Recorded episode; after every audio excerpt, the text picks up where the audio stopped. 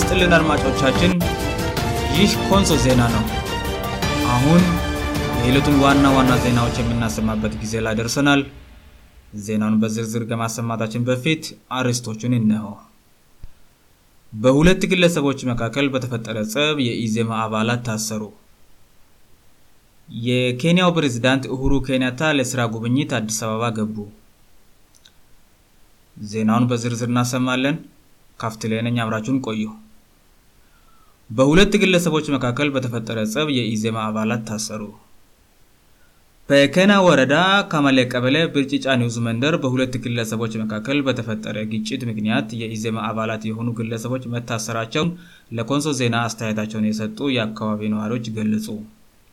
ግንቦት 29213 ዓ ም በአቶ ካውዲያ ቤት የተፈጠረው ፀብ አድጎ የአካል ጉዳት እስከማድረስ ድረስ እየደረሰ ሲሆን የአቶ ካውዲያ ልጅ ከሃይታ ካውዲያ አባቱንና በወቅጡ ጠቅባቸው የነበረውን አንድ ጎረበት በብላዋ ወቅቶ ጉዳት ካደረሰ በኋላ ከአካባቢው ተሰውሯል በወቅቱ በቶ ካውዲያ ቤት የተገኙት ጎረበት ነዋሪ በአባትና በልጅ መካከል የተፈጠረውን ጥል ለማከላል መል ጣልቃ ሲገቡ የጉዳት ሰለባ መሆኑ የጎንሶ ዜና ከተጎጂ ልጅ ጋር ባደረገው ማጣራት ማረጋገጥ ችሏል ይህ በእንዲህ እንዳለ በወቅቱ በአባቱና በጎረበት ነዋሪ ላይ ጉዳት ያደረሰው ከሀይታ ካውዲያ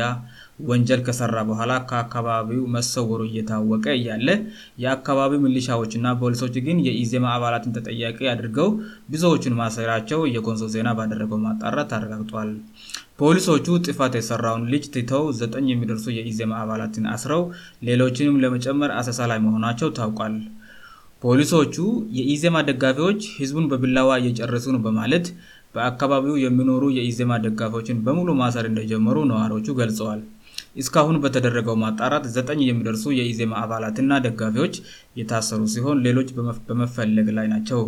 ከታሰሩት ዘጠግለሰቦች መካከል ስድስቱ በገና ወረዳ ቦልስ ጣቢያ የታሰሩ ሲሆን ሶስቱ ደግሞ በከመለ ደረግ ጣቢያ ታስረዋል በገና ቦልስ ጣቢያ የታሰሩ የዘማ አላትና ደጋፊዎች አንደኛ መምሄር ከማቸው ከያማ ሁኛ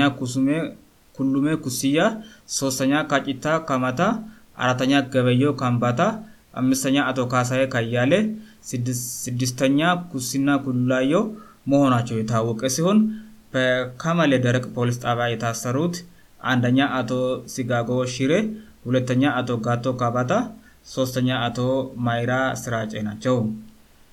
ታሳሪዎቹ በፖሊስ ቁጥጥር ስር ከዋሉ ዛሬ ሶስተኛ ቀን ያዙ ቢሆንም እስካሁን ድረስ ፍርድ ቤት እንዳልቀረቡ ነዋሪዎች ንዞ ዜና አረጋግጠዋል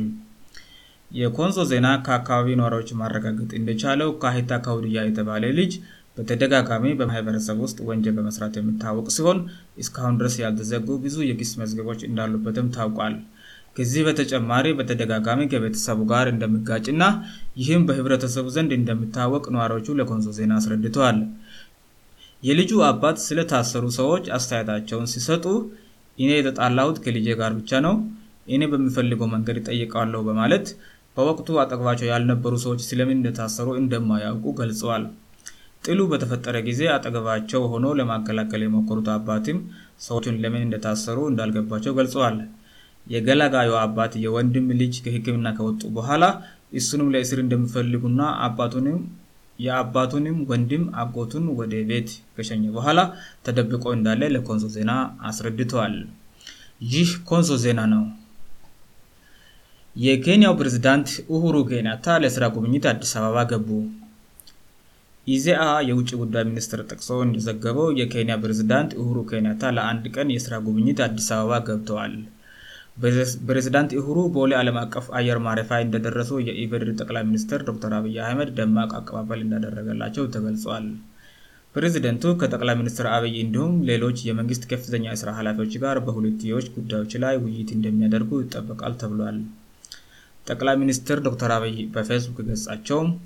የኬንያ ሪፓብሊክ ፕሬዚዳንት ወንድሜ ኡሁሩ ኬንያታ የቴሌኮም ፍቃድ ስምምነት በምንፈራረምበት በዛሬው ታሪካ ለት ወደ ኢትዮጵያን ጓንደና መጡ ለማለት ወዳለው